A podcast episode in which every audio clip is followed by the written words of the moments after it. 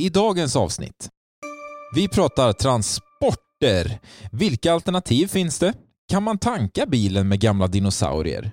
Sari åker till jobbet i en mjölkkartong och Ludvig han konstaterar att biogasbussar minsann drivs av biogas.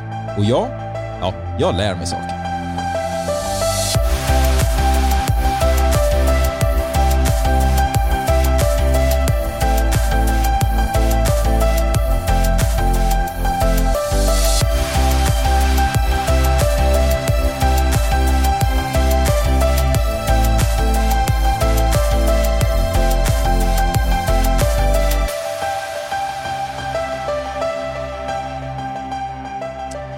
Varmt välkomna till Skövde kommuns hållbarhetspodd. En podd där jag, Mattias, kommunens energistrateg Ludvig och vår miljöstrateg Sari sitter ner och tillsammans diskuterar hållbarhet, både på en lokal och global nivå. Högt och lågt, allvarsamt och mindre allvarsamt. Avsnitt två av Skövde kommuns hållbarhetspodd. Jag sitter här med Ludvig och Sari. Mår ni bra? Allt är Ja, fint. oh ja, om vi mår bra. Om ni mår bra. Det här, eh, det, vi, tåget har liksom rullat igång nu. Vi har släppt ett avsnitt av Skövde kommuns hållbarhetspodd och nu är det alltså dags för avsnitt nummer två och idag ska vi diskutera transporter. Hur känner ni för det? Sari, du kan få börja. Det känns jättebra för transporter är jätteviktigt att prata om. Och vi behöver röra på oss också. Ludvig? Jag brinner ju lite för transporter. Jag tycker att det är, eh, en, eh, det är roligt och svårt med transporter. Eh, Samtidigt så är det verkligen någonting vi behöver jobba med. Vi kan väl kasta oss rakt in i det då. Eh, Vi, jag nosade på det där att du tycker det är kul att transportera dig. Hur transporterar ni er? Sari, om du får börja. Ja, oftast så är det på min elcykel då, som är favoriten.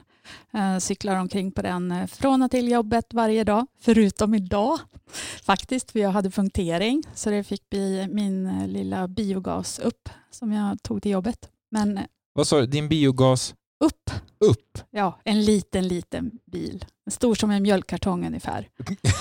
Ja, Okej, En- men berätta mer. En, het, heter den upp eller är det ett märke som Äh, heter det är ju upp? ett märke, men jag visste inte riktigt om jag vågade säga märket. Ja, jag men du sa ju... Okej, men, okej. en, men en liten, liten biogasbil av Ja. ett märke som inte heter ner. Nej, precis. Ja, precis. Ludvig, hur tar du dig till jobbet? Ja, eh, jag, åker, jag åker bil. Eh, Jag har ju elbil, eh, men det är ju inget, inget försvar för att man ska åka bil. Nej, men jag lämnar ju på förskolan på morgonen så då, då passar det ganska bra att jag åker med den ner här. Men vad då inget försvar för... Det är det väl? Att man kör elbil? Ja, visst, men den är, precis som vi pratade om i förra avsnittet så är ju det här en, eh, alltså transporter är ju generellt en, ett ämne med många lager kan man väl säga. Och, eh, och det är inte bara det här att vi ska köra bil med rätt bränslen utan, utan vi måste ju också minska kanske mängden bilar. Och då kvittar det egentligen om du kör el eller andan, fossilbil. Då. Men i vilken aspekt pratar vi om då? Att vi måste minska antalet bilar? För i min värld så måste vi minska antalet bilar för att minska avgaserna, Sari. Ja, det är för att minska utsläppen. Det är, det är de vi jagar allra mest. Men sen finns det ju andra fördelar med, om man nu tänker sig en växande stad, att, eh, att det blir kanske inte att inte antalet bilar växer med staden utan att folket väljer andra typer av transportmedel. För bilar tar väldigt mycket plats. Så att, ehm, och de bullrar och ja, de låter och man måste akta sig för dem och sånt där. Så att ja, det är ganska bra att eh, använda andra fordon.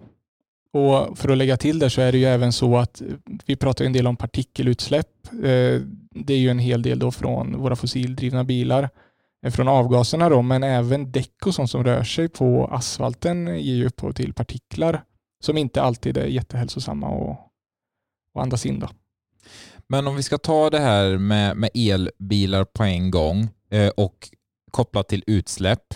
Jag har hört att, att producera ett elbilsbatteri, det släpper ut så oerhört mycket skit i luften så att det liksom motsvarar vad en bil släpper ut i, eh, i avgaser. Stämmer det här? Nej, det stämmer inte och ja, det stämmer. Alltså Alltså nej, det stämmer inte för, för det släpper inte i dagsläget ut så mycket avgaser att det skulle vara sämre att köpa en elbil med elbilsbatteri än en eh, bil med, som drivs av fossila bränslen. Då. Men ja, det krävs mer energi för att producera ett elbilsbatteri än att producera en förbränningsmotor. Och det är den här energin då som går in, alltså el, den produceras i, i Kina då med mycket kol och det är därifrån utsläppen kommer. Då. Men, men att det skulle vara sämre att köpa en elbil än en fossilbil, det stämmer inte. Nej, för en, en fossilbil, den kan man ju ha i 30 år. Och det jag menar, den hinner ju släppa ut en väldans massa skräp. Precis, det är ju det här som är, alltså det jag hör mycket när man, när man pratar om de här eh, grejerna då med utsläpp från batteriet kopplat till utsläppen från en fossilbil så säger man att ja, men jag hinner ju köra 3-5 tusen mil på den här stunden för att jag ska kunna tjäna ihop det här batteriet. Men någonting man måste ha med sig här är att till 2050 i det här Parisavtalet så ska utsläppen vara noll. Och det finns en det finns som en påse, inte med pengar men med koldioxid då, som vi får släppa ut fram till det här datumet. Annars så skjuter vi över de här två graderna då som är i uppvärmning. Då, att vi vill inte över två grader. Och om vi gör slut på den här påsen, då skjuter vi över. Och om jag nu köper en elbil, då har jag gjort åt en viss mängd utsläpp för att, för att köpa den. Men sen är mina utsläpp noll. Om jag istället då kör 5000 mil och släpper ut det här, ja då har jag släppt ut lika mycket som för elbilen. Men sen, då måste jag köpa en elbil och då ger den ju ännu mer utsläpp. Så det är alltid bättre att göra valet så fort som möjligt till noll utsläpp då. För att det är en begränsad mängd som vi har tillgängligt att släppa ut. Du sa att du körde elbil. Sari, vad kör du när du inte kör den här eh, icke-nerbilen? Ja, jag, det, det, är ju biogas jag kör på, alltså det bränslet. Och vad är biogas? Ja, biogas är ju mm, rötat organiskt material, det vill säga det är, har blivit nedbrutet eh, under syrefria förhållanden och då bildas det metangas som man sedan renar och gör om till fordonsgas som man kan tanka en, en bil med och ehm, eh, det kan driva en förbränningsmotor.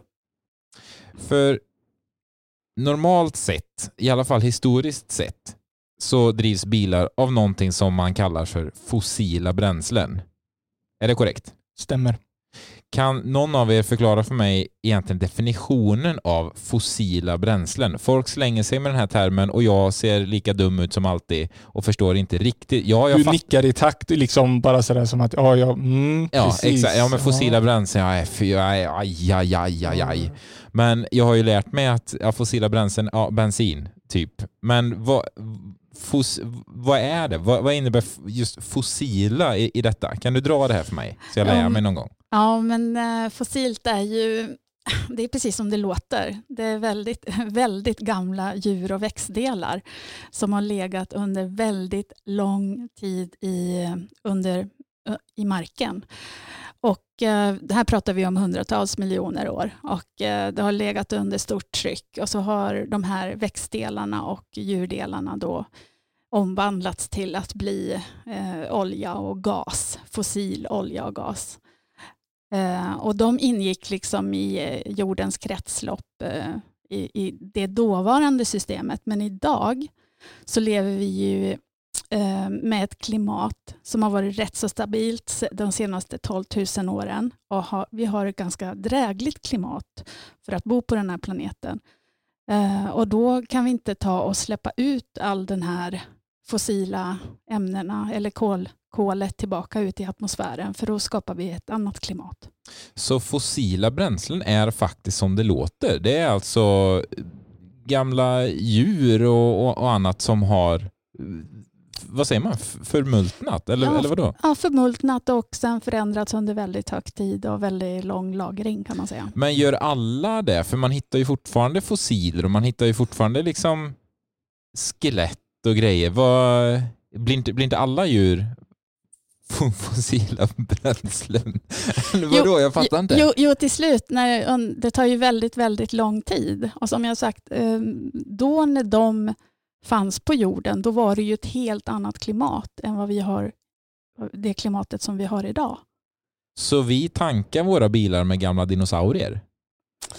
Så man skulle kunna säga så, eller det finns ju fler djurarter som har levt och eh, typer ja, av eh, träd och vä andra växter och sånt där. Men ja, alltså... Krast. Ja, krast kan man väl säga så. Och Det är som Sari inne på här att problemet med de fossila bränslena är att de inte är en del av dagens kretslopp av växthusgaser då, eller koldioxid. Så när du bränner dem så tillför man mer koldioxid till atmosfären än vad som är en del av kretsloppet. Då. Och när det blir mer så blir det också varmare eftersom det är en växthusgas. Då, så då stannar mer värme på jorden och du får en uppvärmning. Då. Gud, det är tur att jag sitter med här som på något sätt får föra den icke-expertens röst, för det här är ju inte helt okomplicerat, det hör ju jag det. Jag undrar hur många där ute som egentligen faktiskt har koll på vad fossila bränslen innebär. Om man vet att det är liksom gamla döda djur och växter som man tankar bilen med. Det tycker jag är ja, intressant. Men när blir avgaserna faktiskt farliga för oss då? Vi har ju alla sett bilderna från de här stora städerna, Beijing och andra städer i Indien där det åker massor med bilar och massor med fordon där liksom avgasdimman ligger tät. Där förstår man ju att det kanske inte är jättesunt att vara. Bör man vara orolig här i Sverige också? Man ser ju inte avgaserna på samma sätt som man gör i de storstäderna. Men när blir det farligt här? Kan det bli det? Är det det redan? I Skövde har vi ju ganska, eh, faktiskt en väldigt bra luft eh, och vi har inte så mycket trafik. Men eh, i storstäderna där, där finns det ju gator som man kanske ska undvika och där man försöker få till eh, bättre trafikflöden så att det inte ska bli så mycket utsläpp. Så att ehm, man ska ju akta sig för att hamna i en sån utveckling så att det bildas mycket eller avgaser på ett och samma ställe. Och Sen är det ju så att vi människor är ju väldigt olika också, så att vi är olika känsliga om, beroende på om man är ung eller gammal, eh, om man är överkänslig eller inte. Eller, eh, för att hur det än är så irriterar ju avgaserna våra slemhinnor och luftvägar. Och det är väldigt många människor som drabbas årligen av sjukdom och till och med dödsfall för att eh, luftföroreningarna är så skadliga. Men det är ju intressant det här i och med den här coronapandemin vi har haft här nu i ett halvår. Då har det ju kommit bilder där den här luften i de här storstäderna helt har rensats upp och det ser jättefint ut igen. Går det så, ja, inom citationstecken, fort att städa upp luften i en stad och mår liksom staden bra då igen? Eller hur hänger det kvar fast det inte syns? Eller hur kan man liksom tänka att ah, men det var allt som krävdes, ett halvår utan bilar så är det bra igen? Eller hur ska man ställa sig till det? Alltså, här måste man ju hålla isär då att gaser är ju inte, alla gaser är inte lika. När vi pratar om eh, klimatet och den påverkan som eh, vi, ja, bilar har på det, då, då är det mycket utsläpp av eh, koldioxid som är en växthusgas. Då. Men koldioxid är ju inte det som gör luften farlig i städerna, eller i alla fall inte den bidragande delen. Så även om Alltså slutar vi alla att köra bil på hela jorden nu, då visst, luften i städerna blir ju bättre fort, men koldioxiden i atmosfären och den här växthusgasutsläppen kommer vara kvar många hundra år. Så det är ingenting som kommer att försvinna. Så det är egentligen bara for show? Ja, men det, de syns ju inte de utsläppen. De, de är inte smog. Smog är ju det är mer partiklar då som som syns. Och det är klart att eh, om du slutar elda så blir det inga partiklar och då försvinner det. Det singlar ner till marken eller blåser iväg. Men, eh, men koldioxiden i atmosfären, den stannar. Ja, det var lite om avgaser och bilar och, och, allt vad det är. Om man nu ska sluta köra bil, alla kanske mår bra i viss mån av att sluta köra bil. Vad finns det för alternativ undrar jag då? Jag har en elsparkcykel som jag älskar. Men det här är ju ja, kontroversiellt i stora städer där man hyr dem. Jag äger min själv. Men jag, för mig är det, det är kanske inte så bra för hälsan i och för sig, men rent transportmässigt så är det väldigt smidigt. Det går fort. Den är lätt att ta med sig och ja, det är någonting som gör att jag i alla fall kör bil mindre. Sen ur en hälsosynpunkt är det såklart man står ju still på den så att den ger ju ingen kondis. Nej, men då vill jag ändå flika in att om alternativet är att sitta still i en bil, då måste det ju vara bättre att åka på en elsparkcykel. Du får ju åtminstone frisk luft. Ja, och det är väldigt roligt. Det är ju... det barnet i mig kommer ju fram lite så. Nej men det, är- det är roligt och det går fort och man det är smidigt fram så absolut det är ett bra transportsätt.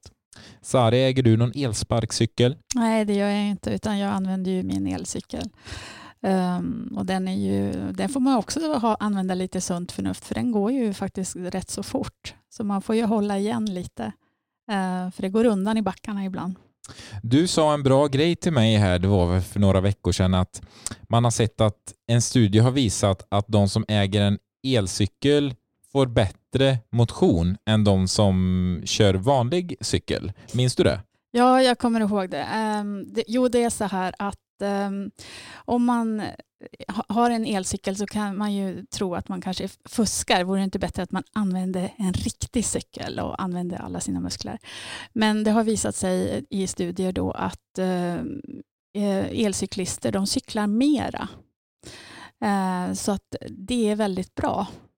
Eh, Sen är det så här att det krävs ju mer muskelkraft om du ska cykla på den på en vanlig cykel, du, du får ju ingen hjälp. Men just det här att cyklisterna cyklade så pass mycket mera. Man väljer det transportmedlet mycket oftare. Och jag bangar ju liksom aldrig att ta min elcykel, där, även om det är regn och rusk, även om det är storm och motvind, även om jag har tunga kassar liksom, med matvaror.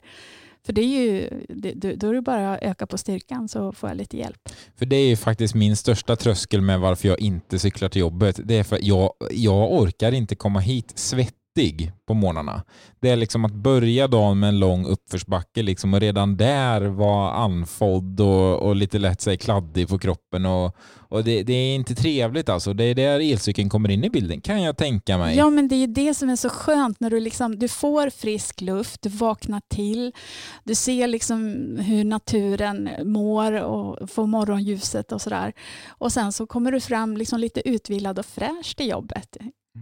Men behöver elcyklar vara så himla dyra som de kan vara? Eller finns det liksom lite schysstare alternativ? För jag menar en elcykel kan ju kosta lika mycket som en lite sämre bil.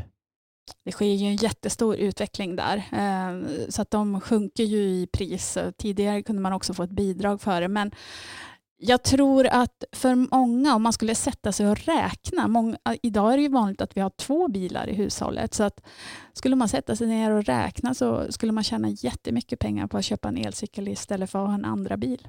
Om man skulle klara sig på det. Men då, då gäller det att du gör dig av med en bil. För det här är exakt samma diskussion som kommer vid, vid kollektivtrafik att, att ja, men det är så dyrt med ett busskort eller sådär. Jo, men om du räknar på vad en bil kostar i månaden så är det ju betydligt billigare att köra busskort och det är ju samma här med en elcykel att det är ju mycket, mycket billigare att ha en elcykel i månaden än att ha en bil. Alltså bara bränsle till en bil. Alltså snittsvensken kör, vad är det, 1200-1500 mil per år. I och för sig kan du inte ta cykeln kanske till alla de destinationerna. Ja, fast många kan jag nog tänka mig. Det är det som är grejen. Fast en 10 kronor milen kostar det kanske, eller mer, att köra en, en dieselbil idag. Om du kan köra om du kan köra tusen av dina 1500 mil med cykel, det är ju 10 000 på ett år. Liksom. Ja men alltså jag vet ju man själv, nu visserligen pendlar min sambo och det är fine att hon inte ska behöva cykla. Men annars så åker vi ju nästan bara inom stan. Och då, jag menar, det är ju med en elcykel åtminstone så kan man ju faktiskt cykla överallt. Gör du det Sari? Cyklar du överallt inom stan? Ja, jag cyklar. Jag kan nästan inte köra bil längre, vågar jag inte säga nu. Men eh, jag kommer på att oj, det var jättelänge sedan jag eh, körde bil. För jag, jag cyklar ju så mycket och det är så lätt i Skövde. Alltså, vi har så bra cykelvägar och det är nära till allt.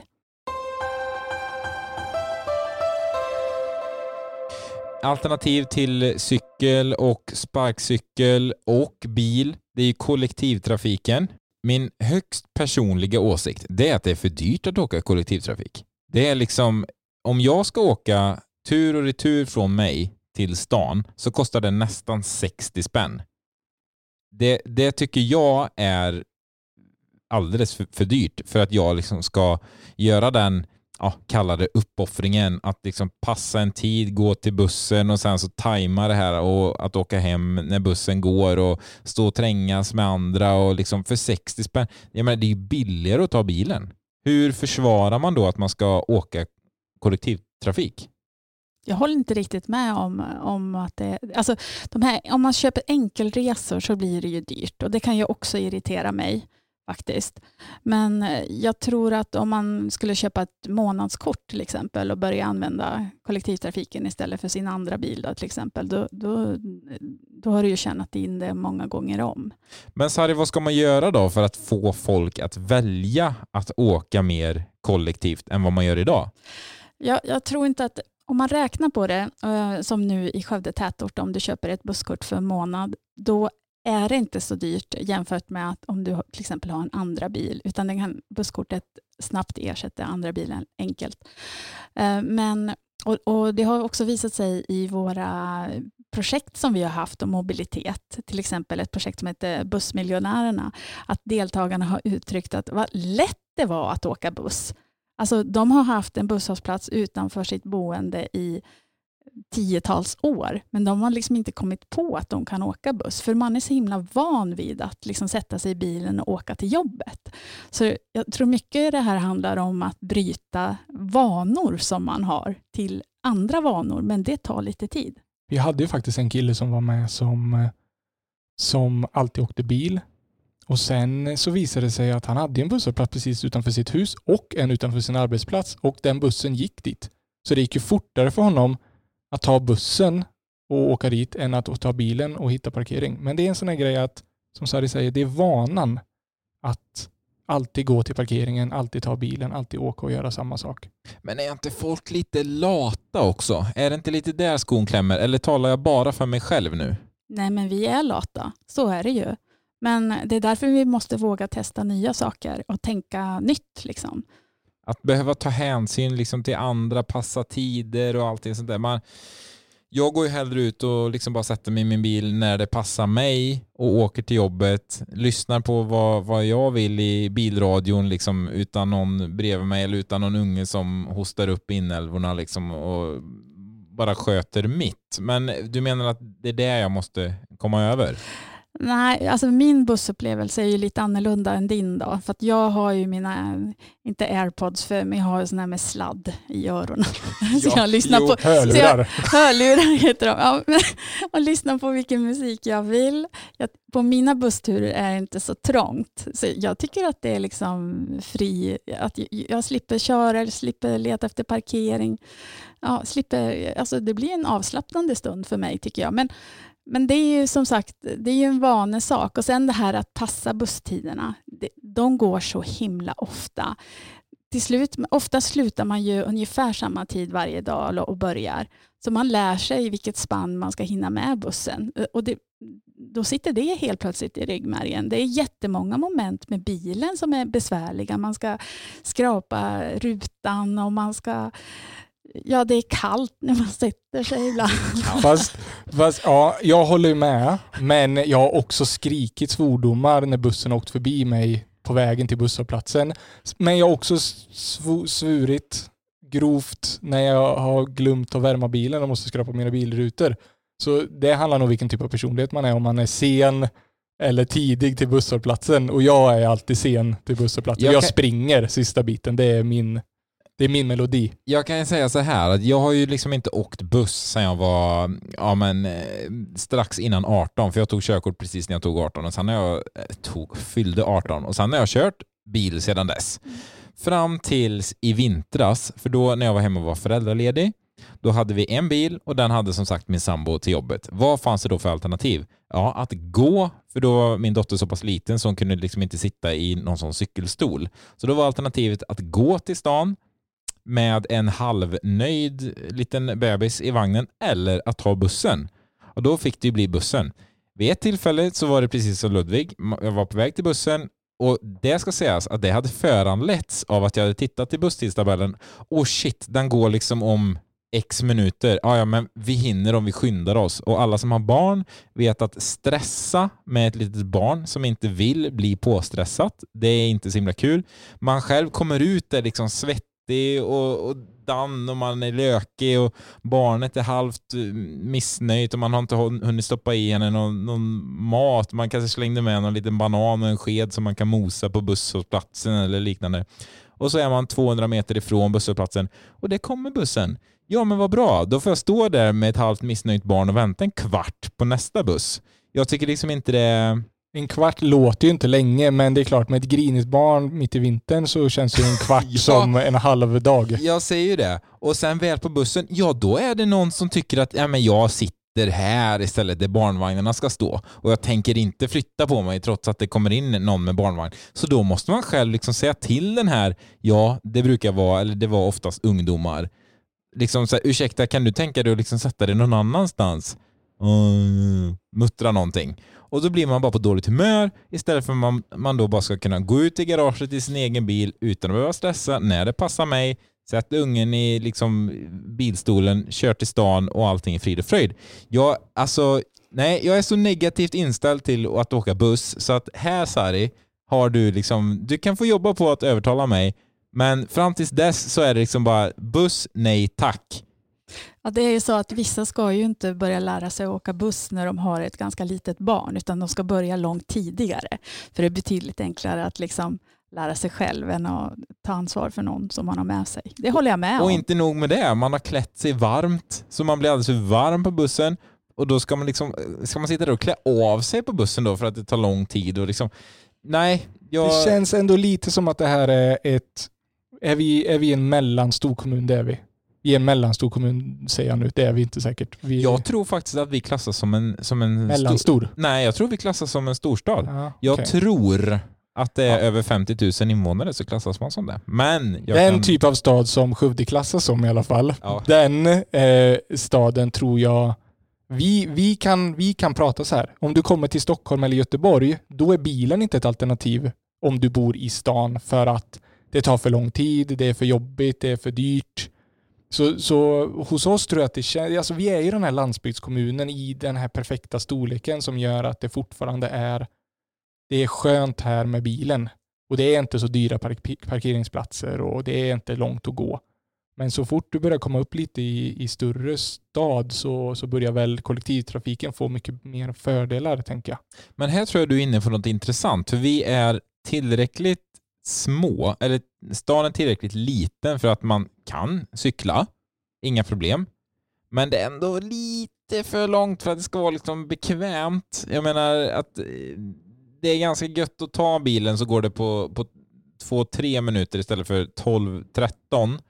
Eh, stan är kanske lite, man måste inte åka kollektivt precis som du säger. Att sätta sig i bilen i Stockholm till exempel, det är ju dödsdömt. Då är det mycket lättare att hoppa på tunnelbanan.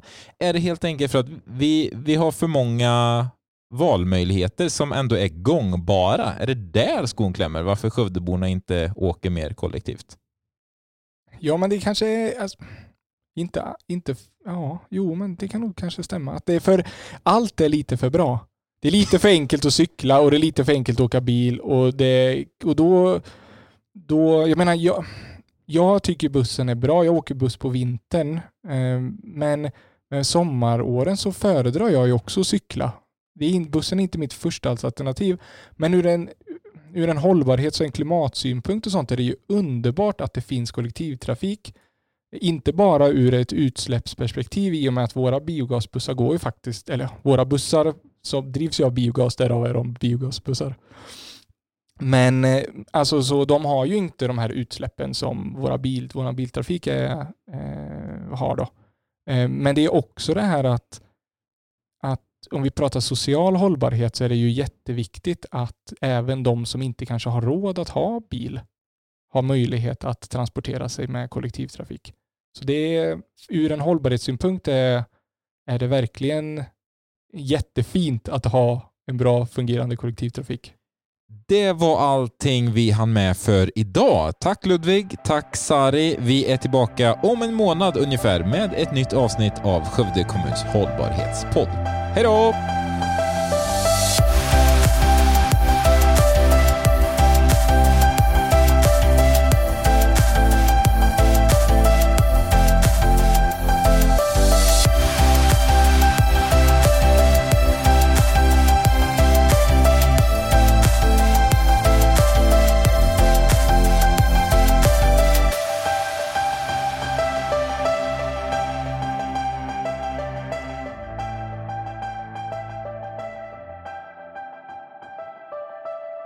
Här podcasten är en produktion av Skövde kommun och möjliggörs med stöd från Energimyndigheten.